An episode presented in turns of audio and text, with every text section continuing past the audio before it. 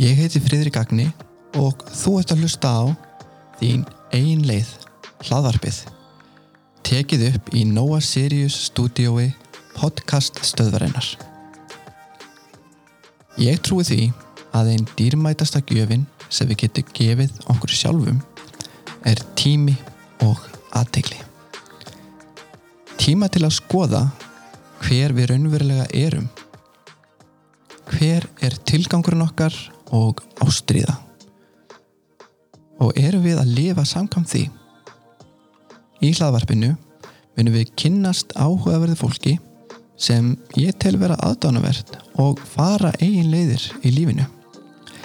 Þetta eru bæði þekktir einstaklingar í samfélaginu en líka fólk sem þú hefur kannski aldrei hýrt af. En allir hafa sína sögu að segja og ef að þú hlustar þá vona ég að þú fyllist innblæstri og kvartningu til að fara þína eigin leið.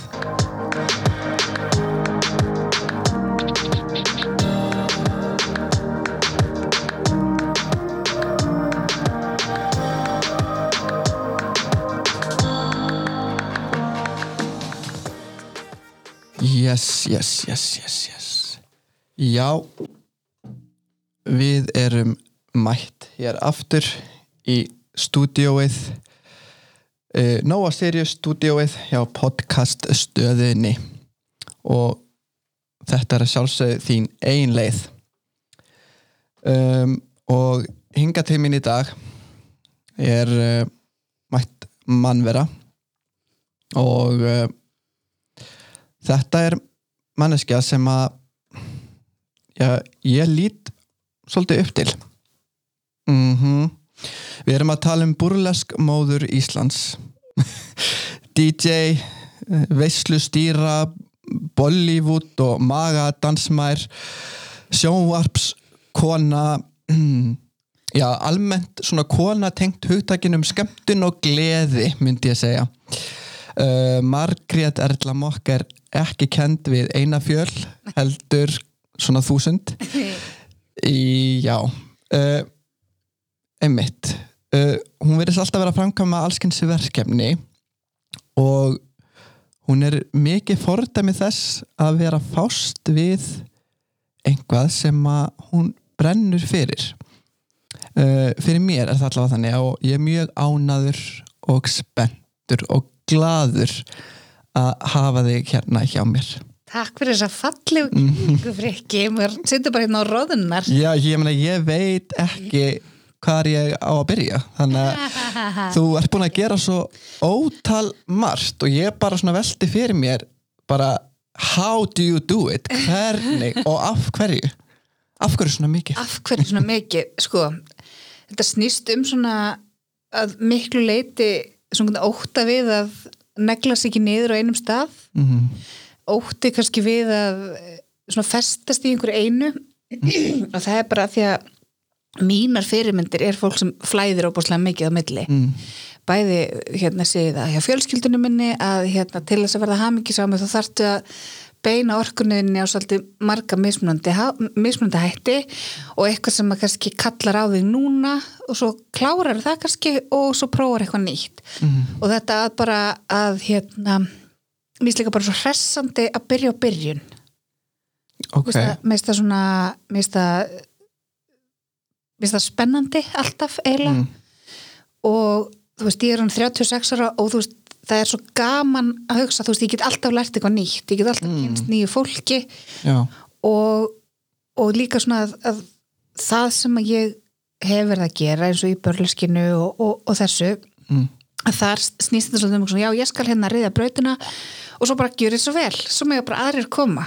Veist, þá ert þú komin í næsta verkefni. Já, veist, bara, svo, bara, svo, veist, svo er bara þetta hérna og svo er ég bara farin eitthvað og bara endilega haldið áfram með þetta. Já, eins og til dæmis nefndi mínir hafa sagt eitthvað svona, hérna, er það í lægi þín vegna að við gerum síningu? Já, það er það sem þetta snýst um, þú veist að, þú að, hérna, bara, og, bara án þín, já, bara algjörlega, bara þeim er alltaf hringja, ég skal segja ykkur allt sem ég kann, þú veist, en hérna, einmitt. en, en þú veist, að svona byrja einhvers staðar og nú, og mér finnst sko sérstaklega skemmtilegt þegar fólk segir eitthvað svona, það mun aldrei ganga, þú mynd ekki geta að lifa á því, uh, eða eitthvað svona, þá er ég bara, bara Bittu You wait and see honey.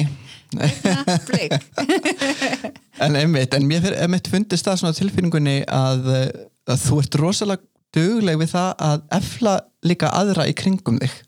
Mér finnst það rosalega aðdánavert, Já, eins og segir áðan. en það er líka bara, þú veist það er þroskin sko. Maður fattar það eh, svona upp úr þrítugu að, jújú, jú, það er frábært að gera hluti einn. Mm en það gerist ekki nema séu nokkur aðrir með þér sko. Mm. Og þú veist, einn þá, jú, þú getur alveg gert ímislegt en það er hérna það er skemmtilega að gera hlutina í samstarfi Já, og, og það er skemmtilegast finnst mér þegar að þegar svona vinna í rauninni svona sk- skapandi vinna á sér stað þar sem eru sko allir levelar af reynslu. Já, þú veist, alveg bara hérna, fólk sem kann allt fólk sem kann sumt fólk sem kann ekki neitt en er forvitið þá verður oft einhver galdur til. Þegar allir mæta en allir mæta með hjartað þú veist, á undan sér einhvern veginn. Einmitt. En hvað, út af því að þú er búin að gera svo margt, eins og ég sagði áðan, og hérna, og ég glemdi örgulega að telja upp eitthvað, en hérna... Já, ég var bara að eftir bara, já, líka hérna þetta. Já, uh, hvernig er það svo, þú veist, uh, hver er þín helsta, hvað er að segja, hvað, hver er þín helsta ástríða? helsta ástriðan, hún, hún alltaf breytist mjög mikið. Mm. og, og ég var einmitt sko ég var að gera hérna ég var að sækja um, ég var að sækja um húsnæðislán. Þá þurfti ég svona mappa fyrir hérna, fyrir sérst þjóðstofnarbanku og jú, ég er með fljótandi tekjur en þú veist, en ég er alltaf með eitthvað smá þegar það er ekki COVID, skilur Mm, mm, að eitthvað svona að hérna þú veist, í árinu að þá, þú veist, er kannski þú veist, hápundur í veislistjórnun og svo upp úr því koma gæsapartí, upp úr því komar þú veist, skemmt í brúðköpum og DJ brúðköpum svo þegar það er búið þá byrja haustfagnaðir í vinnunni og svo og svo koma jólahlaðborð, svo, svo kemur aftur ársatíð, skilur Mm. þannig að þetta er svona, og ég myndi segja að það sé svona alltaf næsta verkefni, þú veist, það er bara eitthvað ó, vá, ég get ekki beðið eftir að þessi ársatíð hérna sem búin og gæsapartíðin koma inn, Mm. ó, nú er ég árun svolítið þreyttið því, nú vil ég fara. Þannig Mhm. að það er svona, hérna, ástriðan skiptist svolítið um, svona, bara áþrykja fyrir mánuða fresti, mm, en ég myndi segja svona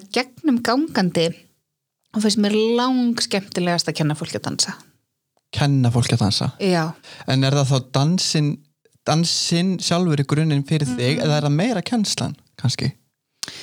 svolítið bæði að því að mér finnst sko mér finnst dans svo góð leið til að eins og því ég sagði það bæða sína fólki að þú getur lært lengi lifir sem lærir, lengi lærir sem lifir sko. Mm, og hérna og mér finnst ótrúlegt sko hvað líka fólk sem kemur á dansnámskeið og sérstaklega og börlarsknámskeiðin og svoleiðis og brottveinámskeiðin og svona sjó, sjónámskeiðin mm, hvaða er sko fallegt að skora á sig og mæta? Og ég kann svo vel að meta það og, bara, og, og trösti sem fólk sýnir manni mhm, með því að gera þetta. En líka bara hvaða eru óbúslega hraðar framfærir já, og fólk sem segir eitthvað svona ég er taktlaus eða eitthvað og maður er bara Já, nei þið bara vantar samhæfingu við æfum það bara, það er ekkert mál að æfa það. Mhm, og, og svona þegar fólk svona sér eitthvað svona já það er ekki síðasti söludagur á mér. Og hérna það er svona það sem að gefa mér langmest. Og kannski ég var með fyrir nokkrum árum var ég með dansnámskeið sem hétt svona Safe Space.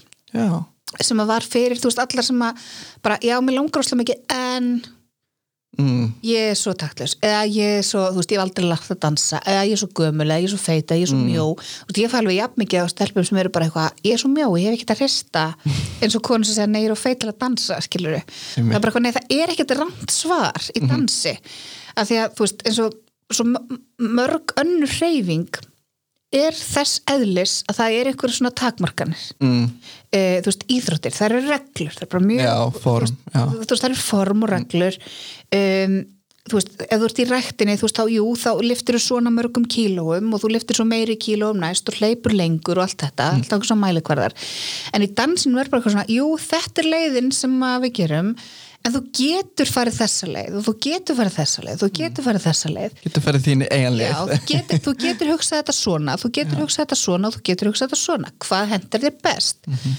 Og það er svo ótrúlega fyndið að ef þú byrjar að dansa og svo ertu hvað þetta er skrítið. Og það er það bara, já ég er ekki með eins líkam á kennarinn.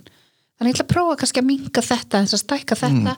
Og svo, þú veist, og svo horfum við speklum hvað er þetta lukkar, Mm, þá er það auðveldara og þá er það rétt. Mm, mhm, og hérna og líka sko eins og ég fór í fór fyrir nokkrum árum í tíma hjá henni Hafdísi Árnadóttur sem á Kramúsið, það sem ég kenni. Akkurat. Sem er 81 árs og, kenna. Hefur þú farið í tíma hjá henni? Ég nefnilega hef ekki farið í tíma Við þurfum að fara saman í tíma til henni það mun gefa gefa okkur svo mikið. Já, ég er alveg vissan það. Um, ég fór í tíma hjá henni sem var 45 minútur ég hef aldrei verið svona sveitt. Aldrei. Og þú veist og hérna, eftir tíma var það bara hvað, gerður þið bara allt full out eitthvað, Ja. já, ég gerði það. Nei, maður á bara að gera það sem mann finnst skemmtilegt að því að sko, og þetta er svo rétt að því að það sem mann finnst skemmtilegt það eru hluti sem mann finnst auðveldir að því að maður hefur eitthvað styrk eða eitthvað. mm, svo, svo eftir því sem maður styrkist þá fer, fara fleiri hlutir að vera auðveldir og fleiri hlutir fara að vera skemmtilegir. Mm, þannig að þú hugsa þetta svona gerðu bara það sem þið finnst skemmtilegt. Mm, að þá, þá ertu í rauninni að skora á líkamæðin alveg rétt mm. eða þú veist Einmitt, mér er svolítið þetta er mjög áhugavert hvernig þú lýsir hvernig þið finnst dansið vera og, og, og að kenna hann. Mér finnst það svolítið svona, ég er að veltaði fyrir mig hvort, að maður, hvort þú hugsið svona líka með lífið sjálft skilur að þú finnir þína leið alveg svo með dansinn skilur Já, algjörlega. Og líka sko, þú veist mér finnst hérna þú veist, eins og ég, núna einmitt var að fá húsnæðislán og eitthvað Mm. þú veist, og þegar maður var að dýra við fæðing, fæðingarólofsjóð líka til þess, þá var maður bara, hafið þið aldrei hitt neitt sem er að vinna sjálfstætt Mhm. eða, þú veist, eins og þú veist, núna er ég svolítið að taka svona verkefni kannski í hálft ár og svo vinna sjálfstætt og taka smá verkefni á launum dik, mm. púsla. Akkurat, og, og þetta er að verða bara algengur og algengara einmitt. þú veist, hjá okkar kynsluð og hvað þá næstu kynsluð Mm. að, að það er svolítið að svona máta sig á mörgum stöðum og, og hérna, og, og sapna svolítið í reynslubankan einmitt, og, og hérna og það er einmitt svona að bara veist, gerðu það sem virkar fyrir þig algjörlega, að því að það sko svo, svo lengi sem þú veist með bara eitthvað svona basic, bara hvað þarf ég til að hérna til að bara, lifa, já, lifa. Já. Hva, hvað þarf ég að vinna mikið til að borga leigu og allt það eða, eða afborganir eða eitthvað og svo þú veist, bara ef ég myndi kaupi bónus. Hvað, hvað, er, hvað er svo tala? Mm. bara komast að eitthvað svo tala er ok, verður þá í leiðilegri vinnu sem kofra það.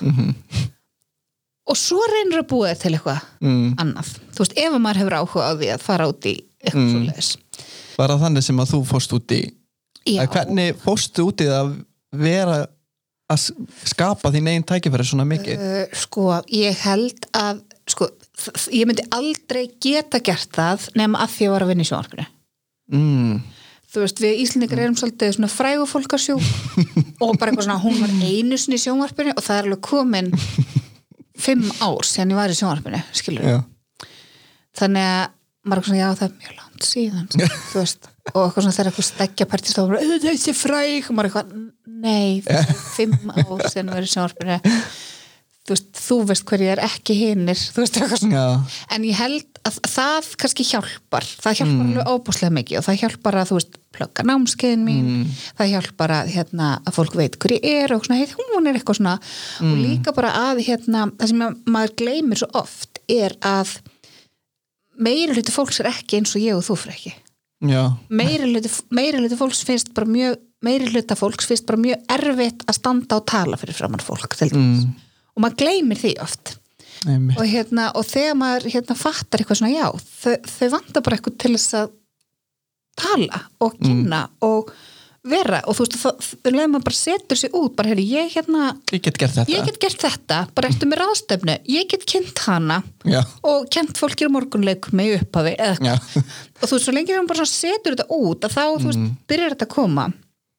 Og þú veist, og það er líka bara hérna þú veist, byrja bara lítið, byrja bara sem ein vinnustöð bara, það er eitthvað svona þemadagar bara, já, ég skal bara kynna þetta og eitthvað Mm. en já, ég held að það hjálpi svo ógeðslega mikið að bara fólk viti hver þú ert Mm. og svo hjálpar það líka bara að þú veist, ég til dæmis bara, ég á fullt af vinum í sama geira Já. og það er bara, þú veist, það er bara svona svolítil pólisi hjá okkur að það er eitthvað svona nei, þú veist, ef að fólk er, er að bóka mann mm. nei, því miður ég kemst ekki en ég mæli með digg, digg, digg, og setja bara kontaktinfo með. Og þú ert með svona nokkra í þessu svona þessum hérna þessari lúpu að þá svona hjálpast maður svolítið að, að því þannig verður síðan góð. Og þannig heldur við standaðunum uppi. Mm.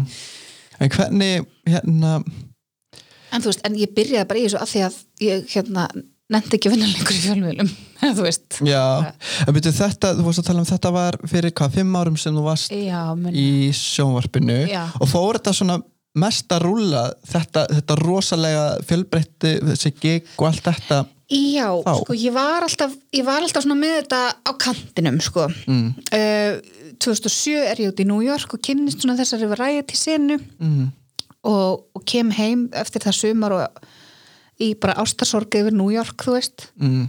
og bara það verður aldrei neitt svona og dududu, en allir þar voru bara þú hefur stærsta tæki verið heimi, þú getur farið og búið til senuna og ég var eitthvað Mm. ég? Já, sást ekki fyrir þessum brautir í en svo, en svo veist, kom ég heim og kynntist í kramhúsinu bara sirkuskrökkunum sem voru að æfa þar og það verður Sirkus Íslands svo setna sem ég var alveg með mörg, mörg, mörg ár og, og hérna og svo líka bara að þú veist svona vettfangur eins og kramhúsið sem að er bara svona algjör sköpunar vettfangur sem að, þú veist, ef maður er kennari þar þá, þú veist, ég svona, má ég kannski vera klukkutíma lengur aðeins og æfa smá sem ég er með mm. eitthvað svona og, og svona algjört tröst sem tó- kom ekki strax sem vann, vann sér inn fyrir því og svona, mér langar að prófa að gera svona námskeið eða eitthvað svona.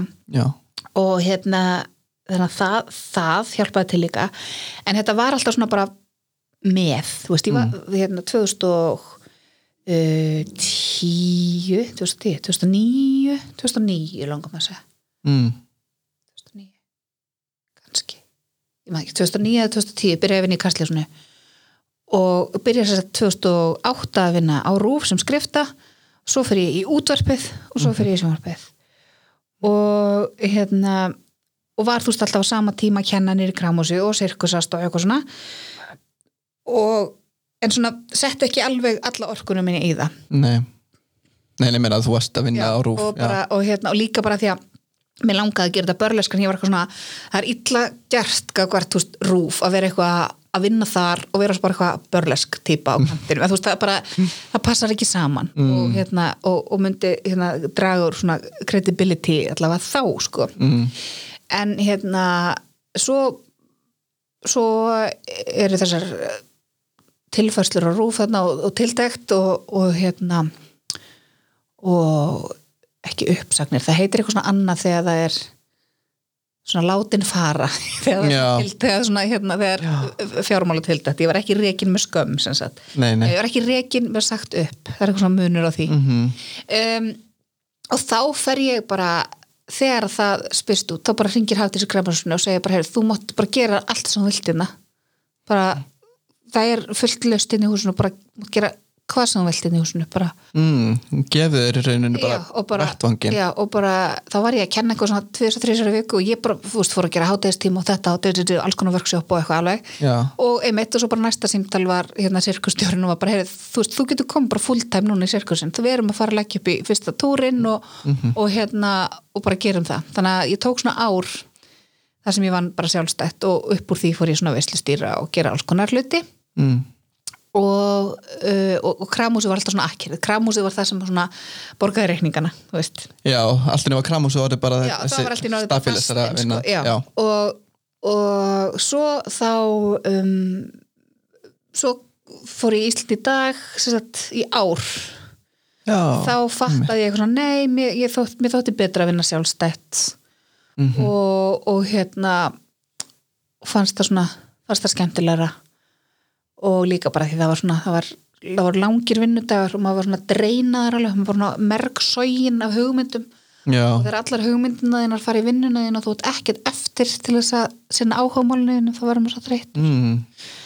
þannig ég sagði upp þar og hérna og fór bara full time í þetta. Þá er ég 31 já, sless. Já, það er svona sip, á sipum aldrei og ég fór svolítið að gera þetta. Já, uh, en eins og ég sagði líka áðan um, þú hefur verið alveg svolítið svona fyrirmynd held ég fyrir marga sem eru svona í svipum gera út af því að það er einhvern veginn eins og það vantar alltaf einhvern svona sem bara þorir. Og svo þú ert búin að lýsa þessu þú hefur verið þannig í einhverjum vinnum en svo þú veist bara, nei, alltaf mikil orka fyrir þetta. Mér langar að sinna áhuga málum mínum. Og þetta er það er ekkert allir sem hugsa svona. Nei, en það er líka bara, þú veist, en þú þarft að vera svo réttum stað og þú þarft að vera svo heppin. Þú veist, líka ég var það heppin að þú veist, ég var að leia hjá vinkonum minni fyrir bara ógeðslega lítinn pening, það er líka það sem spilar inn í. Uh, og þú veist, og þetta að hafa þennan fasta, það spilaði líka inn í. Mm. og líka bara að það sem að hérna ég bara líka mj- man eftir því að þú veist, jújú, jú, það er yfirleitt gaman en maður þarf að líka taka gig sem eru kannski ekkert sérstaklega skemmtileg Mhm. inn á milli, en hvernig gig er það? það er kannski bara, þú veist, að veislustýra í- fyrirtæki sem er bara leðilega mórall, Mm. þú veist Já. það er bara sama hvað gerir, þá er bara þú veist, þá situr einhver á borði með einhverjum sem hann þólir ekki og þú veist, og þú getur ekkert gert í því Nei. og þú fattar það ekkert bara fyrir að þú komin á staðin og það er bara, ok, það er súr stemming þú veist, ég hef verið að skemmta á kvöldi, þú veist, eftir einhverja svona þemaviku, það sem að komu upp bara öll eineltismálin, öll hérna, þú veist, kynferðislega áreitnimálin og eitthvað og svo ætti ég bara skemmt í partí á föstudeginum og ég var bara, Já. hvað er í gangi hérna? Og vinur minn sem var að vinna, hann bara ok, þú ert að standa þessu ógeðslega vel og ég er eitthvað, finnst þér það? Já. Það er enginn að hlæja, bara hvað er í gangi? Og hann er eitthvað, nei, það var sko, ég er eitthvað ok, Já. takk fyrir að segja mér það þú veist, bara, oh. þannig að hérna, en, en aftur á móti þá þýðir það eitthvað, ok, þá er ég kannski í þeirri vinnu í þrjá tíma, ég er ekki í vinnu sem ég leiðist í í tvö ár Nei, akkurat, þetta er svo rosalega fjölbreytilegt já, bara, og þú getur gert þetta líka bara, hérna, þú veist, þetta var ekki skemmtilegt, ég ætla bara að koma oftar inn og bara gera meira hér, Mhm. af því að það er líka bara það sem að maður finnur núna þegar að það er minna af svona live sjóum og svo leiðis, Já. bara hvað maður saknaði þess að eiga sam, þessi samskipti, þú veist. Já, skemmtikraftsins og, og þeirra sem setja og þú veist, ég lít líka á danstímana mína sem bara, þú veist Mm. það er bara grín og glens, þú veist, það verður að vera gaman þú veist, Já. þú verð, þú, og þú nærð svo miklu út úr fólki með því að grínast þú veist, og með því að segja grínútskingringar á spórunum Mhm. og eitthvað, þá nærður svo miklu meira út úr fólki heldur en að fara eitthvað rosa tæknilegt þú Já. getur það í framhaldstímum Já. en svona í byrjandatímum þau svona ná fólk mm Mhm. skilni að þá snýst bara mikið um leifa fólki að hlæja þeins Já. það líður okkur vel já, verður maður svona berskjaldaður Já, og, Já. já. auðmjúkur kannski Auðmjúkur, Svona, já. fyrir henni lutina auðmygt svona, og losa ræðis um bara með því að hlæja það losnar svona já, þá er maður, líka til í að sko, ef það er allir að hlæja, það er gaman þá er maður alveg til í að kannski vera astnalegur í smá stund og svo verður maður flottur mm, já En hvernig hérna eins og þetta, þú veist, þú ert alveg þú veist, alveg svona pínu þekkt fyrir það að vera svona fyndinn og pínu sprell og það er svona gleði í kringum þig. Allavega það sem ég svona þekki af þér. það verður að vera ef maður er skemmtikraft en ég er algjör tussa þess á milli það má alveg segja það líka. En það sem, þú veist uh, þú ert ekki óhætt við að tjá þig, við skulum segja það. Nei. þú veist, þú segir það sem ég finnst sem er bara frábært, en mér finnst sko ég er, hef ekki alltaf verið þannig ég er meira þannig núna. Mhm. Hvað, hérna, mér finnst bara áhverst að pæli þess, hvað er það fyr- fyrir þér? Er eitthvað ákveðið hugafar? Er þetta bara meðfætt í genanum að þóra svolítið? Eða er þetta eitthvað svona sem þú bara svona ég ætla að þóra, þetta er ekki meðfætt. Mm. þetta, er alls ekki meðfætt. Þetta er uppeldi, þetta er bara 100% uppeldi. Ég hérna uh, var svona frekar lokað bann, uh, var svona dundubann Mhm. talaði ekkert mikið og átti ekkert kannski nána vini, þú veist, ég átti alveg vini í skólanum. Mm, en svo, kannski, svo kom sumafrið þá kannski talaði ég ekki við þau. Allt sumarið og svo bara kom ég aftur í skólanum veistu, og það bara held maður áfram. Já, ég var rosa einfari og það er líka hluti af því að, það, þú veist, að vera skemmtikraftur er það einmannlegasta í heiminum. Mm. bara einn í bakherbergi og þú veist. Einmitt. Og ég fæ fólk með mér oft til að aðstofa mig en það er eiginlega frekar upp á félagskapin sem ég fæ það eftir aðstöðuna sko. en hérna en, þe- þú veist, en mamma bara var rosalega hörð á því að bara eitthvað svona, þú veist, það er það er astnalegt að vera feimin það er bara að vera feimin, það er bara fólk mun mögulega valta yfir þig og, og þú veist og ef þú segir ekki hvað þið finnst þá kannski bara spyrði enginn hvað þið finnst. Þannig að þú verður að vera svolítið proaktív sko í, í þessu. Mm, og, og núna er hún bara guð með góður. Bara shit why? Hún er eitthvað, ok, já og svo hún er bara sagt það sem þetta börlustótt og hún sagði eitthvað svona fyrir svona árið sem já, ég veit alveg gaman en þú veist ekki fara alveg á píkuna. Þannig er hvernig get ég var á píka Við megum alveg segja píka í þessu. Við erum ekki í útvarpinu. Hérna. píka útvarpinu, ég Er var það? í útvarpinu. Ok. Jep, ég sagði eins og viðtal við hérna 10cc í Kastljósi, live. Þá töluðum við um sæði og sæðismagna því það er 10 centilitrar sem er svona Já, það var bara á prime time eftir fréttir sko. Já. Þannig að En ég er alveg vissum að það hefði kannski ekki allir þórað að fara þanga þetta er bara, þetta er bara líka mig En þú veist, einmitt líka mig Ég er svona að þú veist Það er bæði það að bæ, bæði orð en líka það að að, að þóra að taka pínu pláss bara í presence mm um, og og mér finnst þú alveg alveg tala fyrir því bara fyrir bara líkamum, líkamar eru bara hér og eru til að vera hvernig sem þeir eru. Um, finnst þér þetta mikilvæg umræði til að halda lofti í samfélaginu? uh, sko það er, það er, það er sko tvent það er umræða, jú, jú en þú veist, umræðan býður samt alltaf heim sko þú veist, einhverju svona en það er óheilbreytt að vera feitur eitthvað Mm, svona, Ég skilji, en mér finnst, mér finnst eiginlega mikilvægara að bara sína sína Já, og bara vera akkurat. og bara að þú veist hérna að þú veist í til dæmis bara tískubæklingum séu þú veist alls konar fólk í læginu fólk með dáns, fólk í hjólastól alls konar. Uh, alls konar á litin Mm, hérna en uh, það skiptir bara ógæslega miklu máli og ég man alveg eftir því ég lítil að þú veist því ég er svona viss alveg svona, sem ég sjá undir hvernig mamma mín og pappi er í læginu og svona, ég er kannski ekki sérstaklega mjóð þegar ég er stór. En ég tók alveg eftir því já, það er engin mjög, þú veist, það er engin feitur í sjónvarpinu. Mm, nema kannski svona grín eitthvað. Sprelli. Svona sprell, þetta rassin sprell Já. eitthvað um, Já, þannig að þú veist, það var líka svona hluti á því og kannski ég endist líka svolítið lengi í sjónvarpinu bara að því að ég var svona, nei, þarf hann að representa mínar konur, sko. Já, en hérna, en þá var ég alls ekki ég var alls ekki eitthvað stór þá en ég var ekki mjó eins og er. Og mér finnst það skipta máli og mér finnst skipta máli líka bara að hérna að svona fegur er ekki bara eitthvað svona eitt svar nei fegur er svolítið bara að vera svolítið á staðnum og, mm, og svona sitja vel í sér Já. Einhvern veginn. Einmitt og já, Það er, fallegt er sammála en það er einmitt sko uh, talandi um öryggi, sjálfsöryggi Já. uh, myndur þú segja að þú sért með sjálfsöryggi Já. Hvílur vel, þú verðist gera það sko. En, það er bara æfing sko. Það fæðist engin sjálfsörugur mm, en það fæðist heldur engin lítill lýsir sko. Nei, uh, eitthvað sem við lærum. Þetta er allt lært og, og sjálfsöryggi er rosa mikið líkamstjáning. Mhm. það er bara eitthvað sem maður lærir líka. Mm, og þroski. Og svona bara svona no bullshit attitude líka. Hvenar fannst þér þú byrja að hvíla svona vel í þér? 30 ára.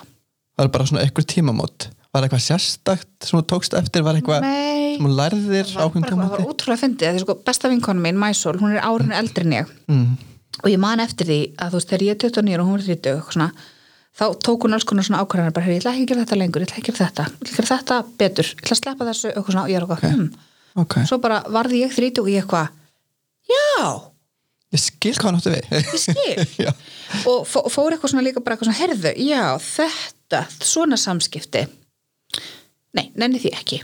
Mm, og, og þegar maður læri bara eitthvað svona, herðu, hérna, þú þarft ekki að vera sko þarft ekki að vera besti vinur allra.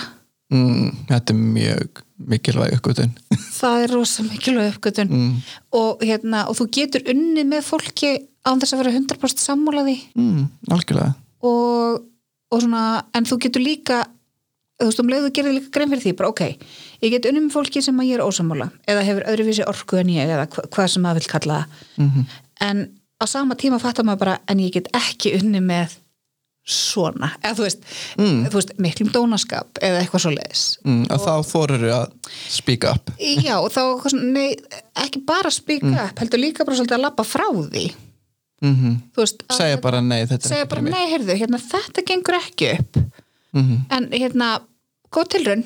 Bara, gangi okkur vel já, já, og, og þetta á líka bara svolítið við um svona, hérna, með þroskanum kemur þetta líka bara svona, þetta bara í samböndum og í fjölskyldu munstrum og alls konar. Mm það þurfi ekki, þú veist, og líka bara þér bara engin skilda til að þykja vænt um fólk sem stendur nálægt, mér þykir rosalega vænt um fólki nálægt mér, en veist en, bara ég elska það mamma pabbi.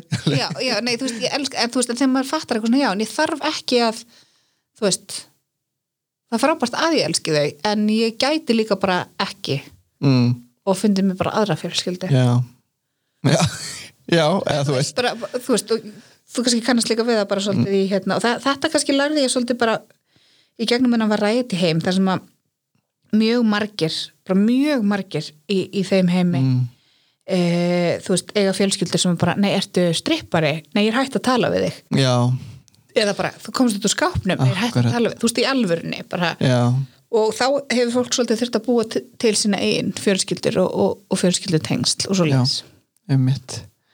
En finnst þér í hérna, nú eru veist, í þessum variety heimi um, það þarf að hafa rosa mikið gött sem við erum búin svolítið að tala um að þóra, en það eru svo óbærslega margir um, sem að láta óta svolítið vera fyrir sér. Mm um, ef þú bara væri að tala við einhvern sem væri bara svona já, en þú veist, hvað myndir þú veist, hvernig myndir efla þessa mennsku ef að þú ert með hann óta mm, þá get ég ekkert gert. Mm, en ef að hérna, sköpunargleðin og sviðskrettan er óttanum yfirsterkari þá getur þú sigrast óttanum. Mm, þú getur ekki gert það ef að óttin er sterkari. Mm, þannig að þú þarf bara svolítið að vega og meta bara hérna að því sko ótti og svona sviðskrekkur og svona það þarf ekki endilega að vera neikvægt það þýðir bara að þér er ekki sama. Já, akkurat. Þú veist það þýðir bara það er að eitthvað í húfi. já, það því er að eitthvað í húfi. þetta er já, og þú, eitt, skilur Já, og þú, þú stendur þú veist, þú ert einn á sviðinu og, Mm. hérna, sem er samt svo mikil gjöf að því ef þú rugglast það tekur enginn eftir því þú veist Mm. og hérna, þetta er svona en þú þarft bara svolítið að vega og meta bara og, og það er sko mjög mjög algengt í dæmis varæti heiminum og stand-up heiminum að þetta séu kvíðasjúklingar já, sem að hérna sem að rekast kannski ekkit endilega þú veist, út í sal, bara nei, nú er ég búin að tala allt og lengi við þennan, nú er þetta svo skrið uh, mm. þegar þú stendur upp á sviði þá ertu bara, ég veit að hverju fólk er að hlæja mér. Mm ég veit að hverju, hérna ég, ve- ég þekki tilgang minn í þessu rými núna. Já. Og þess svona, svona gravitetur í átt að þessu mm, e, í einhverju svona, hérna viðleitni að reyna að hafa stjórn á aðstæðum. Mm, um, en þetta, þetta, þú þarf bara að setja þetta veist, og þegar ég er að búa til eins og sýningar með nefndum mínum og svona, það er alltaf hægt að bakka út þú veist, mm, bara, þú veist, það er leiðilegt kannski fyrir fólki sem kom bara til að sjá þig en, þú veist, það er læna. Og, og, og líka bara það að þú veist, að segja þetta að fólk bara, já, viltu þetta við, ekkert mál. Mm, það kemur svolítið skringilega á fólk að því fólk er svo vant að segja, jú, please fólk er svo, please, Já. viltu vera please. Er bara, eitthvað, nei, þú ert auðvitað, te- ef þú tekur ákvörðunum að vil ekki vera með þá bara ekkert mál. Mm, og þá er fólk eitthvað hm, jú, ég get ég ætla að vera með. Já, þetta er svona reverse psychology einhvern veginn. Nei, þú veist, að því ef ég myndi vera eitthvað degstra fólk þá, bara, þá fær allir tíminn í það sko. Já, en hvernig hérna, sköpunagleðin hjá þér eða sé ástriðan fyrir sköpunarferlinu hjá þér er greinlega það sterk að, þú, að óttin er ekki er hann, hefur hann einhvern tíma verið? Já, já, já. En sköpunagleðin er alltaf sterkari. Og áhugin kannski. Áhugin og líka bara svona veist, það var líka svo stert í upphafi á þessari börlesku fullurinn sirkusinu að því þá var bara eitthvað svona, heyrðu, ef ég gerir þetta ekki þá gerir enginn þetta. Og mér langar þetta að sé svona mér langar að sé svona sena hérna á Íslandi. Mm. þannig að það svona dró mann líka áfram. Mm en hérna eins og líka bara þetta að sko ég held að svona ástriða minn fyrir því líka bara að taka svolítið í burtu þetta þú veist annars verður svona heilagleika líkamanns og hins vegar svona klámvæðingu líkamanns og frekar að svona sína svona fegurð og, og kýmni líkamanns mm og svona hérna taka hann af þessum stalli og svona sína hvað þetta holdlega er manneskjulegt og hvað það er sami mannlegt mm. og hvað þú veist það er líka svo fallegt að sjá þú veist, þegar maður er að gera eitthvað þá er fólk að hlæga og það er líka svolítið tísta því það er bara svona, guð, ég myndi aldrei gera þetta upp á sviði. Akkurat. Það er svo skemmtilegu hluti af þessu. Mm. Finnst þér mm, að ég fór að hugsa bara þú veist, þegar maður er svona einhvern veginn að, fástu þetta bara almennt þá verður maður svolítið svona eins og maður sé búin að taka svona pínu ertu alltaf með eitthvað lag á þér já, eða ertu mjög berskjöldið ég er ekki berskjölduð, alls Nei. ekki ég, þú veist, ég fer aldrei upp á sviði nema í einhvers konar karakter sko. mm. og það er líka bara svona hjálpar þú veist, það, þar kemur inn í bara svona, svolítið svona trúðatekni Mm. að sko, að þú veist Sviðsmargret, hún hérna hún er bara svolítið á staðnum og tekur inn og Já, svo kemur stundum á sviðunum og bara eitthvað ok, þetta átti ekki að vera þess satt nei en það er svo gott að leifa sviðskonunni að takast á við það sko. mm. Er þetta svona þetta er bara svona svo að setja sér trúðanef sko. þá kemur Já. einhver svona önnur en, eða veist, svo svona allt ríko, er þetta svona Já, svipa? en þú veist, en ég er alveg ég upp á sviði, Já. en hérna en svona, svona íkt útgáfa af mér Er þetta svona hluti á því eins og líka bara að sigrast á óttanum, eða þú veist, að fara bara Já. svona að leifa sér að ganga. Já, já, já. Og bara svona, þú veist, og búningur og eitthvað svona, þú veist, það er líka bara núna er komin, þú veist, það, það hjálpar mann líka svolítið að þú veist, maður er ekkert alltaf við stöðu til að hoppa svið, alls Mm. ekki. En þetta er bara eins og, þú veist, bankakallin fyrir jakkafötin sín á mótnana. Þá fer ég bara í stöðið þú veist, einmitt. Heldur að, þú veist, að sumt fólk eigi erfitt með að að skilgreina núna eins og sé að stereotypa eitthvað en, þú veist, að skilgreina fólk svona eins og, eins og þig sem gerir svona margt en þú ert þess að núna segja bara en þetta er bara eins og að vera í bankan nema ég gerir svona og svona og svona og svona og svona en ekki bara svona. Já, nei, bara, þú veist, öll störf snúast um tíu mismunandi hluti. Mm. um, nema bara, þú veist, mitt starf er bara, bara, bara mitt starf er bara skemmtikraftur, gleði konar upptekið Mm.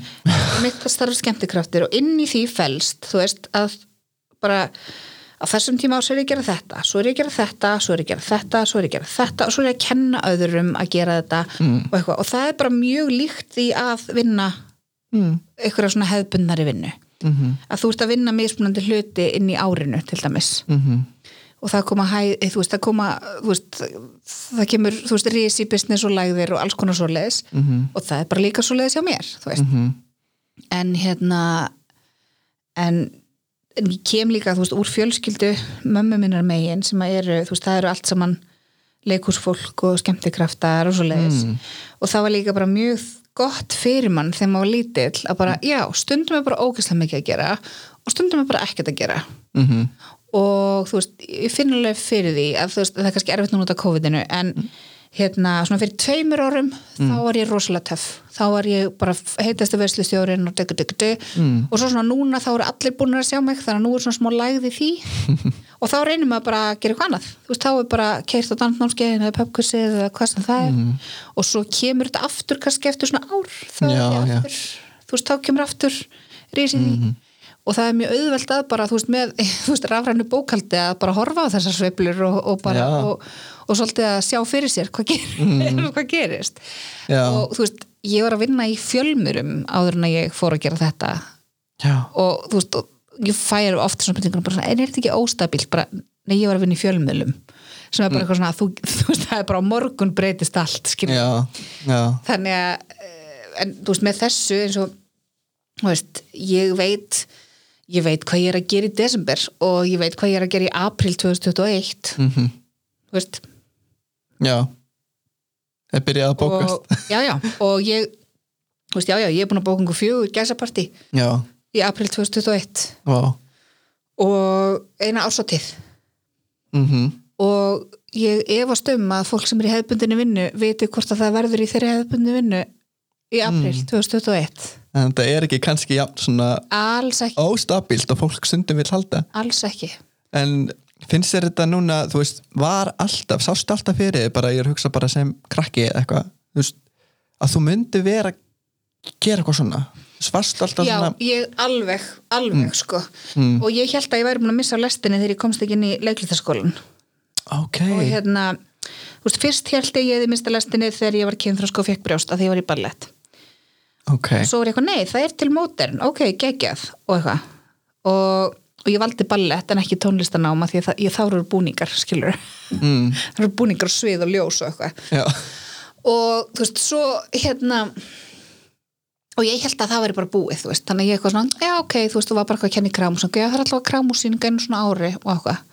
En svo þegar ég komst inn í þessa senu svona í New York þarna, 2007 hvað létti fara þangað? það var bara í sömu viku lendi ástasorg og vann miljóni hættur til háskólanans já, ok, og ég fór bara í þrjá mánuði bara og hérna Vá. og kynnist þar bara í gegnum karaoke vinni mína, kynnist ég sér satt stand-up fólki og í gegnum þá kynnist ég svona variety artistum og svo börleskinu og þá er ég á hérna, mikið að hanga á stað sem, heit, sem heitir The Slipper Room mm. og ég var bara einn daginn mun ég koma hingað mm, og 2010 þá þorði ég að hafa samband. Við slippur um. Slipper Room og nú er ég fasta skemmtikraftu þar eða var ekki Vá. COVID og fúst, fór út að sína þú veist, fjórum, fimm, sexinum á ári. Vá, og hérna og hef, þú veist, dótti mín hefur verið með mér þar á sviði í bumbinu minni. Og áramótum 2018-2019 þá var ég bókuð, þú veist, á gamláskvöld þar. Vá. Þetta er svona- magnað. en þa það var líka bara svona, það var bara svona mission. Hvernig, bara við stöldum aðeins við það, bara svo áhugavert kannski að heyra um, veist, þannig að farið eitthvað svona og, og sérð fyrir þér bara ég ætla, ég ætla að gera þetta. Já. hvað svo, svo gerður það? Uh -huh. Ferlið þannig á milli. Þú veist ég hvað veit ekkert hvað gerðist þarna bara, þetta var, var ásætningurinn svona mikil já, en þetta er líka bara, sko gott fólk hittir bara gott fólk. Það er mjög mikilvægt að muna það. Já, og, og einmitt, ef að ég hefði verið bara þarna, 2007, verið bara eitthvað svona eitthvað þá hefði ég ekkert þú veist, en að því ég var bara eitthvað hæ, ég er hérna, ég er hérna í Margaret frá Íslandi, já, einmitt, já. Já, ég er hérna í New York að því ég bara, já, ég þekki engan, viltu vera verið minn, ok uh, eitthvað, já, ert þú líka, ok, viltu koma í karaoke á mánudaginn með mér, ok, snill uh, hérna, og svo svona, já, ég er hérna já, hvað er að gera hérna? Já, ég kom inn að því að, þú veist, ég er í, hérna, ég er að taka masterclass í magadansi á ég var þetta magadans hérna, og ég náði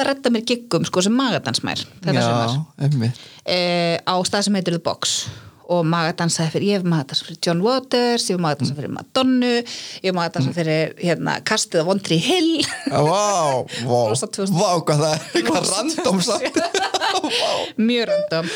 Og hérna og þú veist þetta, þetta var líka bara algjör suðupottur, þú veist mjög mikið af fólki sem var þarna í þessar senur orðið hjúts Núna. Já, Kumalan Gianni, Chelsea Peretti Lady Gaga mm. já, hún var einmitt svolítið á senunni þannig já, hún var bara fast að skemmti kraftur á slipurum og hérna eina kona sem hefur verið rekin þaðan. Að Nú, ok, að hún kveikti næstu því í staðnum hérna. Ok. Var eitthvað að spila og var með svona há- hárspray og og kveikjar að gera og það er bara nei! Shit, e, já. E, varstu hennar, nei jú ég var hana Vá. Magna já já við hoppuðum saman upp á köku einu svona í fyrir eitthvað beauty bar og eitthvað. Þetta var algjör, algjör vitlisa en ógislega gaman. Og já og svo bara en, en eins og ég segi, þú veist, ef maður hefði verið bara eitthvað svona, já, ég fór að sjá hérna ógislega gaman það hefði ekki neitt gerst. En ef maður var bara svona, þú veist, hæ, En þú, fórst ein þann út já Já, og uh, var það kannski þess vegna sem þú varst líka bara Já, en Ég- ég átti samt alveg félaga þarna úti, Ok, þú veist, já. nokkra að því að árið áður, 2006 þá hafði ég farið til, nei, 2005 fór ég til New York í fyrsta sinn og rampaði inn á skemmtilegasta karaoke kvöld sem ég æfi minni farið á. Mm. og var bara, heyrðu, þið þurfa að koma til Íslands. Mm. og í gegnum MySpace fann ég þau hæ, komdu til Ísland og, og við gerðum karaoke gig 2006 sem sagt, Ok. á Gauknum. Já, og hérna og það var geggjað. Og þannig ég þekkti þau. Og þú veist, svo þegar ég vinn þarna þetta hattrætti þarna og, og, og dúttin segir mér upp og eitthvað, þá var ég bara krakkar, þú veist, er dúibúl að koma til New York í þrjá mánu já, bara, já, það er alveg dúibúl og króna var ókslega sterk, dólar 80 krónur skilur já. Það var allt bara drinks on me þú veist, 2007 mm. það var mitt Life. 2007 Já, og hérna og þannig ég svona uh, já og það var sérst bara en vinkona þeirra var eitthvað að ferðast yfir sumari þannig ég leið, þú veist þannig ég bara fór í herbyggja hennar leiði, þú veist borgaði hennar leiðu rétt á meðan, bara besta stað fyrir þú veist 80 skall á mánuði. Þetta var, þetta var bara bíó sko. Það var ógeðslega gaman. Að þetta var þetta var svona pínu Þetta upphafið af Já, einhverju- þetta var bara svona algjör turning point líka því þarna mm. kynntist maður fólki sem að sko gætt lifað af New York sko. Á einhverju mm. fýblagangi sko. Fannst þér að varstu fyrir innblæstri þannig? Mhm. og ég ætla alltaf að bara flytja aftur til New York og bara halda áfram þar. Svo kom ég heim og svo byrjar þetta allt saman. Og núna finnst mér rosalega gott að sko ég get farið til New York. Mm. gæti í venjulega árferði. Ferði, ferði ferði, ferði. Ferð, í venjulegu árferði. Ferði. Sem að það, ég held það, svolítið. Vonum að einhver að þá, þú veist, þá var ég að fara nú mjög oft og, og hérna, og einmitt ná mér í inn- innblástur og, og hlaða svolítið, því að hér er það svolítið, ef að það er börleska kabarettsýning þá eru yfirgnæðum þetta líkur að ég sé í henni sjálf og get ekki að horta á hana sjálf. Já, og og, þegar þú startaðar henni í rauninni. Já, og, svo, veist, og það er líka bara mjög þægilegt eins og núna, þú veist, á slippurum það er bara svona, það er svona svolítið auka fjölskylda þar. Mm.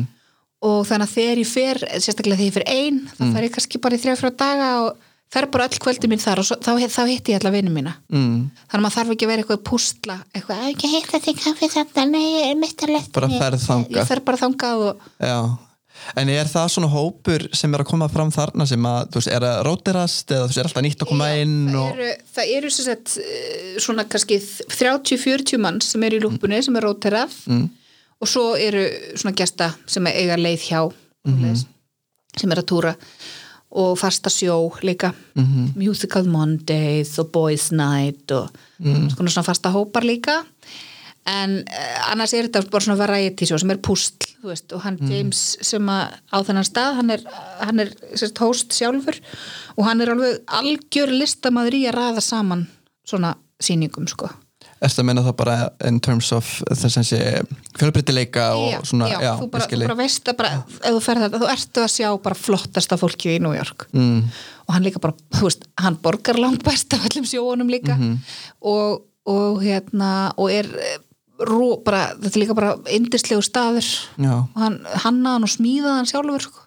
Hljómaður er svo geðu ykkur staður. Þetta, er góð auðlýsing fyrir Slipper Room. Slipper bara hérna, ef þið myndi bara, er geta hlusta á íslenskan þátt Já, hérna, já, þau eru nú en þú veist, það er líka bara veist, öll mín sjó sem ég hef gert eins og búkalúið og svo leiðis að það er alveg gert í samstarfi við Slipperum mm. og hérna og þannig að þú veist hann alveg segir mér, "Heyrðu, það er hérna New Kid on the Scene sem þú verður að tjekka á og, og, og svona.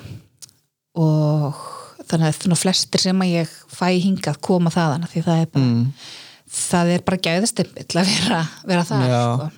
En þú ert búin að vera mjög duglega að koma með fólk hinga til Íslands. Já, en það er, það er sko fyrst og fremst það er ekki bara það er ekki bara eitthvað, mér langar auðvitað, mér langar að hafa, fá vini mína til að koma hingað, en það er líka að sína það að sko að því að íslenska sena þá hún sé rosalega ung, hún er á rosalega háu kaliberi, Já, háum standard. Það. Og það er svo gott að sína bara, sjáðu, hérna er bara þú veist, færasti í þessu í New York og hann er bara alveg jafn góður og góðgóstar Já, góðgóstar, einmitt. Þú veist, það er bara svona og, að sína fram á þetta bara, nei, þú veist, gerið eitthvað grein fyrir því hvað þetta er gott sem við erum í hér mm. Mm. og það er líka bara óbúslega gott að ég til dæmis hérna, þú veist, það hefur komið fólk hingað og svo og svo hef, hafa Íslendingar fengið tækifæri til þess að koma fram í New York. Mm. Axel Diego, hann fór alveg í mánuð og kom fram á Coney Island mm á síðast ári. Og svona, þannig að þetta, þannig að veist, ég líka reyna að byggja smá svona menningartengsl. Já, og, og líka að oftast þegar fólk er að kominga þá reynir ég að fá þau til að vera með workshop líka. Já, þannig að til, til þess að svona senan hérna græði svolítið á því. Og, og það er líka svolítið ástæðan fyrir því að þú veist, ég er ennþá í þessu veistlustjóru harki og allt það að, að þessar börlarsýningar ég er ekki að fá neitt mm. á þeim.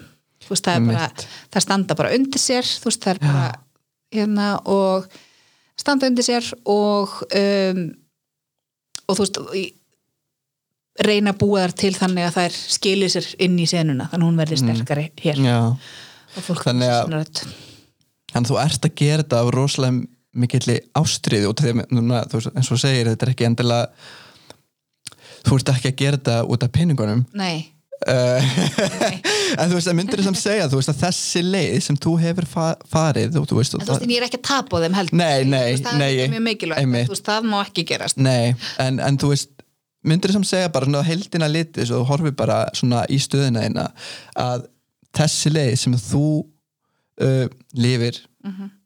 Sé þess virði. Já, algjörlega. Mm algjörlega. Og ég líka bara veit að með þessu, þú veist sem ég er að gera með, með því að búa til þessar sýningar og stefna saman fólki, þá er, þá er ég bara að halda huganum á mér ungum. Mm. veist, það að búa til og, og, og hérna, þetta, þú veist, ég er bara að leika mér, þú veist, ég er í hlutverkaleik. Ég er að sauma með búninga og ég er að búa til atriði og, og þú veist, og bara og he- held mér svolítið skarpri með því í rauninni finnst sér finnst sér að, að fólk almennt um, mætti vera dugleira við að leika sér og sinna ástriðu sinni sko, og áhugamálum. mér finnst þetta var breyst alveg svakalega á svona tíu árum mm. og, kannski, eftir að meina þá hér á Íslandi já, og til eins betra sko. Já. og ég held að það sé kannski að stór hluti að þið sé internetið að fólk fattar Mm. mm. hei það er fólk hann sem hefur sama áhugamál og þú getur, Mm. og þú getur þú veist, klæðskýrast niður Instagramið þitt til að þú veist, hérna, Mm. ha, þú veist, fyrir þín mamma mín sagði um daginn bara, þetta Instagram þetta er bara svo flett í blaði sem er búin til fyrir mig þú veist, þú veist, bara nákvæmlega þú ræður svolítið líka áreitinu sem þú færð frá samfélagsmiðlum uh, og bara hvet fólk til þess að ef að samfélagsmiðl láta að líða illa taktu til, þú veist, á þeim en hérna, að það er svo auðvelt að þú veist, verði sér út um hluti sem að þú hefur áhuga á, það er svo auðvelt að sækja sér fræðslu, þú veist, þú getur farið í, þú veist, hérna þú getur keftir fyrirlestra, þú getur þú veist, ná- náði allar skrýtnu bíómyndunar sem að, þú veist, var bara til ein vaff á S á aðalvíkjulegunu og það var þreggja mánuða byggtími, skil, þú Akkurat. getur í alvörunni bara séð hana núna, Já. þú veist Þetta er mitt, þetta er svo rosalega mikið breyting síðustu tíu Já, ár.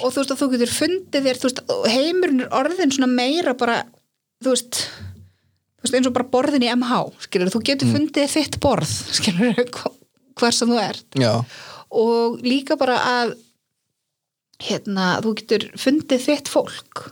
Mm.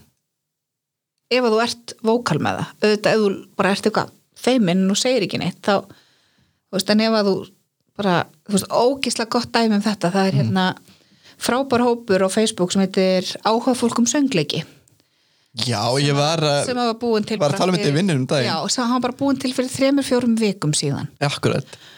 og bara í gær komin bara, herðu, ég var bara svo inspíreraður hérna af einhverjum umræðum að það er bara, ég ætla að stopna bara uh, maður sem er hérna bara tónlistamentaður og Mm. kósturumentaður, bara ég ætla að stopna svona söngleikja kór, bara það er inntökupróf í lokseft og bara þú veist, Mm. og bara, og ef kannski þessi hópur hefði ekki verið til og hann hefði ekki vitað á hann, það hefði kannski þessi hópur ekki orðið til.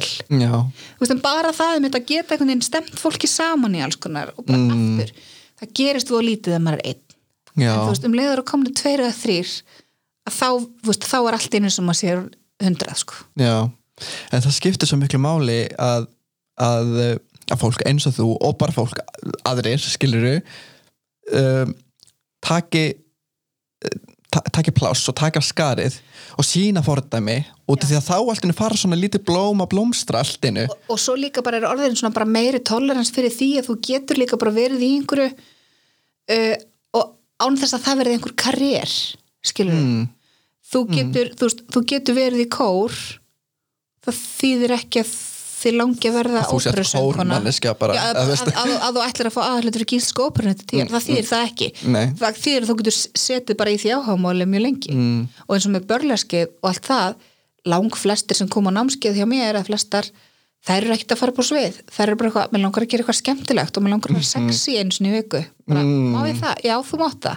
Einmitt, einmitt. Það er og svona það farið að leifa sér líka bara svona að fýblast aðeins meira sem er svo Já, það sé ekki líka alltaf sko, það er svolítið mikið þessi umræðum, þú veist, já en ef ég fer að vinna á skrifstofun hérna, þá er ég skrifstofu manneskja, Já, en þú veist þú þarft ekki að vera það, þú ert bara það sem þú er nei, og það, það er líka bara þessi umræðum eins og kulnun og svo leiðis bara mm. erst ekki vinnan þín.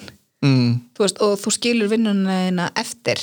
Mm. ég er endar geta ekki gert það, ég er alltaf bara En er það ekki, en er það ekki kannski svolítið út því að þú út af því að þú ert þú ert svo mikið að því sem ég gerir í korið, Jú, það er bara að því að þetta er áhugamál mitt Já, akkurat, ég er að meina það. Eins og það var eitthvað svona, æ, það er eitthvað svona mím sem gengur núna sem er eitthvað, hérna fyndið þér vinnu sem þú elskar and you never have to work a day in your life, það er eitthvað, nei, nei, nei, nei, nei. Fyndið vinnu sem þú elskar, þú far aldrei frí. Akkurat. En þú veist, en vinnan er samt skemmtileg, skilur þú, Mhm. en þú ert alltaf að. Ég er alltaf að, hausn á mér er alltaf að. Já, og hérna, alltaf að Hvernig, núna er ég bara fórtin hérna uh, núna er þú orðin móðir. Já, og hérna mér er svolítið svona uh, erfitt að skilja það nú bara í bara kjölfara að öllu sem við erum að tala um. Þess, hver, breytist eitthvað í, í, í tengslu við þetta að, að verða móðir?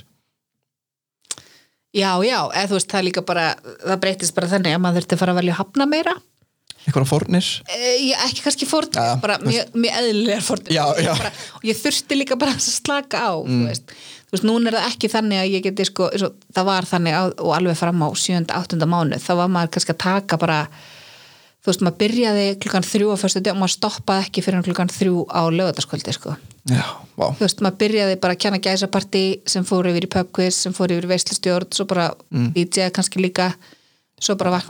mm. Og fara að kenna aftur í gæsapartíum og eitthvað svona sami program, svo bara koma heim og bara ekki tala um þessu sunnudag og mann, það er ekki takt að gera það núna. Nei, eh, en aftur á móti að þá kemur bara sorry, ég er bara uppbókuð. Þegar maður er bara að taka eitt gegn hverju helgi, þannig að það lúkar það lúkar rosa vel, upp á okkur, já. Það er alveg uppbókuð bara með eitt gegn Já, því þú núna Líður ertu margir. komið með tíma líka sem er bara Já, er bara, líka bara Mamma. ég Já, bara þau- vil gefa mig tíma með henni því að núna er hún svo skemmtileg. Og hérna en það kannski líka styrti mig svolítið í því sem að ég er að gera ég fattaði ekki fyrir en ég var sjálf móðir mm.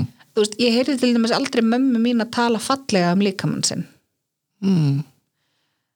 Uh, ég heyrði hann að tala mjög oft bara mjög illa um líkamann sinn og bara ég er úslega feit í þessu og hérna nú þegar ég farið ræktina þegar ég borðaði svo mikið þarna og eitthvað svona í staðan verður bara nú þegar ég farið ræktina því þannig er maður heilbröður þú veist, Já, eða áttu því það er gaman. eða það er gaman eða það er úslega skemmtileg músík í þessum tíma eða, en hérna e, þú veist, það, ég hefði svona viljað að hún hefði kannski bara svona ekki segja þetta í kringum mig, eða skilur að því að ég var, var þú varst í ballett? já, Já. Að, þú veist, að það var svona hérna, þú veist, þegar maður fór að fitna þá var það bara verst í heima, það var bara kynþráski skilur mm. um, en ég finn svolítið fyrir því núna bara eitthvað svona að, þú veist, að sjá hana og ég bara eitthvað hún er alveg eins og ég, hún er bara, hún er bara með appisnúðuna mína bara, sem er alveg eins og appisnúðuna mömmu og bara, hvernig getur þið talað illa um líkamaðinn sem að, sem að batnið mun erfa Mm og veist, og ég fær svona hlýtt í hjarta þegar ég sé það, bara eitthvað svona oh, voðalir þetta eitthvað stert, bara þetta ég tók rétt batn heim á fæðingadildinu Já. þú veist, og hérna og veist, þetta er svo bara að ég veit ekki, ég veit ekki hvert ég er að fara með þessu en bara svona að það er svo mikilvægt hvernig við tölum um líkam okkar fyrir framann börn. Já, og, algjörlega. veist, og svona þú veist, ég ætla að borða þetta að því mér finnst það gott. Uh, ég ætla að fara út að hlaupa að því að það þýðir að ég er að hugsa vel um líkama minn, ég er ekki refsunum Mhm. um, og þú veist, ég er ekki að segja að maður þurfa að vera alltaf eitthvað, ó ég elska líkama minn, ég elska hann, bara elska hann. Ég er ekki þannig, mér er bara sama, hann er bara verkværi Mhm. og það þarf bara að smyrja hann og huga hann bara eins og bifrið nema það er hægt að kaupa nýjan og þú þarf bara að fara vel með hann. Þú þarf að tryggja hann og þú þarf að, þú veist, gefa hann um bensín þú þarf að hreyfa hann, þú þarf líka að kvíla hann þú veist, Mhm. og allt þetta.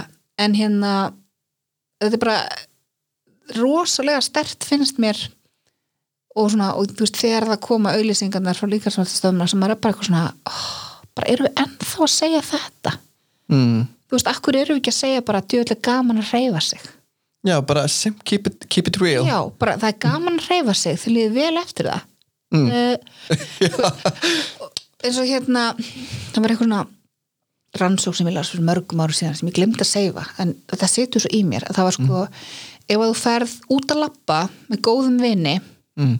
og bara lappar í tvo tíma bara slúðra og lappa hlæja eitthvað og kemur heim og líður bara ógislega vel. Mm ef þú ferð út að skokka í korter aðleinn mm. og þér finnst það ekki gaman. Þá eru miklu meiri líkur að þú fáið súkulega fáið súkulega til að veluna þig. Mm. heldur en að ef að hreyfingin er í rauninni velunin og skemmtilegheitin. Mm. þú veist þannig að þú veist, eitt, fari danstíma með viniðinum Einmitt. og þú veist hlæja og hafa gaman og gera grín, svo kemur heim og bara djöðl var þetta gaman, akkurat. Í staðan fyrir eitthvað svona oh, hvað er ég búið með marga kaloríu núna? Hvað er ég búið með marga kaloríu núna og þú veist, við þetta bara svo mikilvægt af því að það er hægt að gera þetta skemmtilegt og það verður þetta ekki kvöð.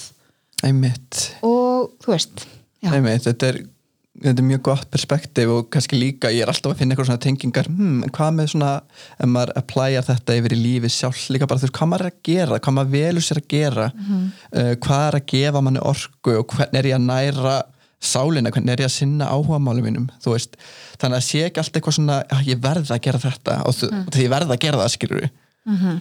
bara þannig að, en við erum búin að fara núna, ég ætla, ég ætla ekki að hafa þetta eitthvað mjög mikið lengra, en það er búið að vera ókvæslega gaman að heyra svona þitt, þú ert búin að koma við að við og allt þetta.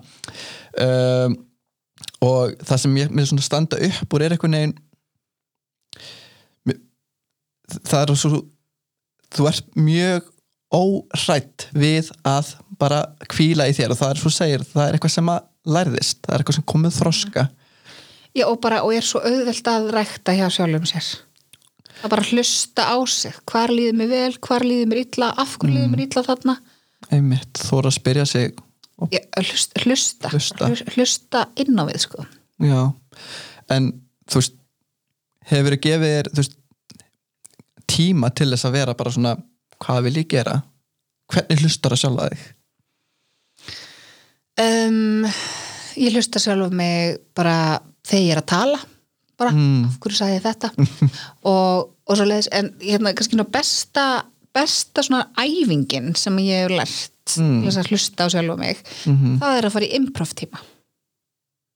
danstíma þá, eða improv svona Improv- leiklistar leiklistarspuna ok, og að því að þú veist spuni byggir rosa mikið á bara svona svolítið föstum reglum.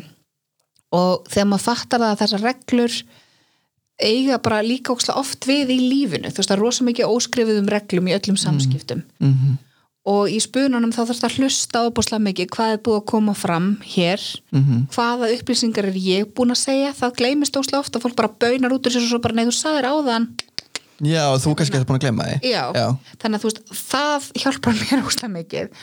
Og líka bara að sjá þessi munstur sem eru til út um allt, nú hljómaði svo algjör geðsjúklingur, en, en hérna, það eru allstaðar svona samskiptamunstur, það eru allstaðar svona munstur með hvað þú gerir, þú veist. Bara, vá, ég gerir alltaf þetta. Þegar, af hverju gerir ég það? Jú, að því að það er að því að það er vani eða að því að það er betra eða að því að breyta því uh, og þú veist að fara í spunan þá, lær, þá bara svona fór ég að taka eftir alls konar svona hlutum hjá mér eitthvað sem þú varst alltaf að gera aftur aftur eða eitthvað svona svona mistök sem ég gerði eða uh, treysti kannski einhverjum aðstæðum sem ég hefði gett að gera bara mm. ger ég það Mhm. og eitthvað svona, maður fór bara svona að hlusta betur og taka betur eftir þetta er ótrúlega, og bara Mm. líka bara svo mikið núvitund í spuna, það er bara núið einmitt. Þú getur ekki ákveð hvað þessi ætlar að segja næst. Uh, einmitt að Það sleppa stjórninni það er bara, það er ógeðslega erfitt ah, en ógeðslega gott. Einmitt. Þetta er, þetta er gott þetta er gott ráð.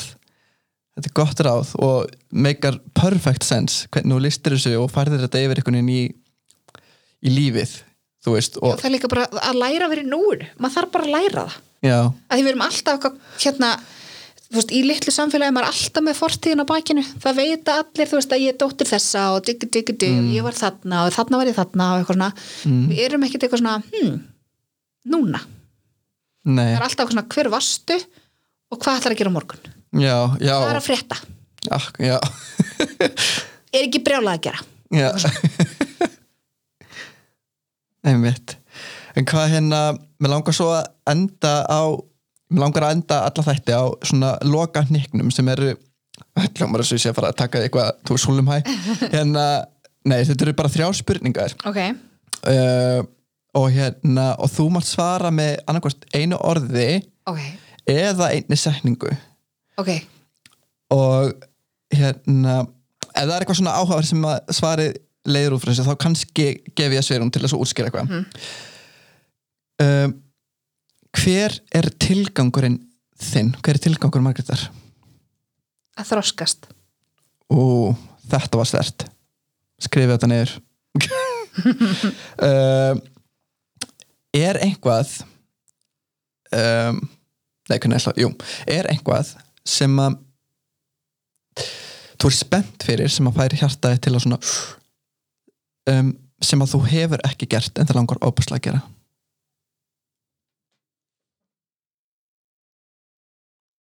Nefnilega ekki, ég er búin að tikka all bóksinn wow, Ég þarf að finna með nýjan draum sko. Nýjan draum?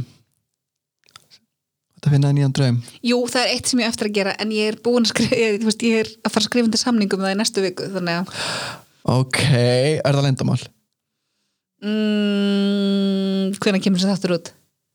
Uh, 14. september. Það er lindamál ok, Það er jóla. Oh, ok eitthvað jólahúl. Jólasprell, ok, mér líst vel að hérna og og lókum hvað er mikilvægasta fordæmi sem þú vilt sína barninu einu, dóttiðinu Aftur að þroskast. Mm, að sína að maður getur þroskast alla efi og mm, skiptum skoðun og aðlega að segja aðstæðum. Mm fallegt. Og mjög mikið vægt, ég tala mjög mikið um þetta á, á fyrirlestunum mínum þín eiginleið sem að þetta svona kemur út frá að hérna að vera forvitin. Mm -hmm. þetta er svolítið að halda sér hendur að halda alltaf áfram að vera forvitin um lífið. Og líka lefa sér að efast svolítið um eigin gildi af og til, þú veist, og til það stundum að maður svo fastur í eigin gildum að maður fattar ekki Já, og líka bara maður er svo fastur í einn gildum og bara svona svo umkringi maður þessu fólki sem eru allir eru sammála. Akkurat. Þetta er eins og þegar maður fyrir internet og maður bara, ha? Eru ekki allir feministar eins og ég og vinni mínir? já, Bara, Akkurat, þetta er, þetta er mjög þetta er mjög hérna mjög fallegt. Og líka það að þú vilt hvetja dóttina til þess að á síninni eins og segir, þú, þið veist mikið vægt að sína bara ekki bara tala um heldur verið sína að það sé gott að þroskast. Uh, en allavega þetta var æðislegt samtal og takk fyrir að deila svona miklu frá sjálfið þér. Takk fyrir mig, gott að tala við yfir ekki minn. Takk fyrir það. Og uh, er eitthvað hver, hvernig, hérna, hvernig getur fólk fylgst svona með því sem eru döfin hjá þér eða vil eitthvað svona Ah. ná í þig eða? Já, bara uh, það er, ég er með likes í á Facebook. Mm, Margaret Mock eða, Já. Miss Mokki og svo er ég með heimasíðu margretmokk.com það sem kemur allt inn. Mm og ef fólk vil koma á námskeið það er hægt að skrá sig á postlista þar. Ég læt alltaf postlistan minn vita áður en að læta aðra vita af því að það selst alltaf upp á börlösknámskeiðin mín. Mm. og núna er komin byðlisti Þetta eru, vins, þetta eru vinsal námskeið. Ég hef heyrt Já. svo ótrúlega mikið um þessi námskeið. Svo ætlaði ég að koma í Beyoncé tíma. Já, og það var uppselt. Já svona er þetta, það er líka bara út af COVID-inu það mega bara vera svo fáir í sölunum í kramsnu Já, einmitt. Og já, ég er einmitt að fara af stað líka námskeið, ég þarf að skoða það. Spennandi tímar. Mm þannig að já, en hérna en endilega og líka bara hérna þú veist, þetta eru gaman þegar við megum skemmt okkur á ný. Já, guð, ég get ekki beðið eftir að knúsa fólk. Já, get ekki beðið eftir því að þú veist, vera eitthvað staðar við fylgta öðru fólki og finna svitalegt öðru fólki, ég, ég bjóst aldrei við að ég myndi sakna Mm. þess. Þú veist, eitthvað svona. Oh, Love it. Fólk, mannfíla. Mm Nei, ég samanlega Ég er bara people need people, sko. Það er bara þannig. Uh, þetta var þín ein leið og Marget Mock var hér í einlega viðtali og um, við höldum áfram svo í næstu viku en ef þið viljið fylgjast með uh, gangi mála hérna á hérna, þá bara gott að fylgjast með mér á Instagram Friðrik Agni og á Facebook sem er leiðis og ef eitthvað fannst eitthvað áhugaverð sem var í þessu viðtali endilega sendi mér línu eða sendi Margeti línu uh, og deili með vinum ykkar ef það var eitthvað sem ykkur fannst gæft inspirandi við viljum endilega heyra, heyra frá okkur þannig að við sjáumst bara og heyrumst í næstu viku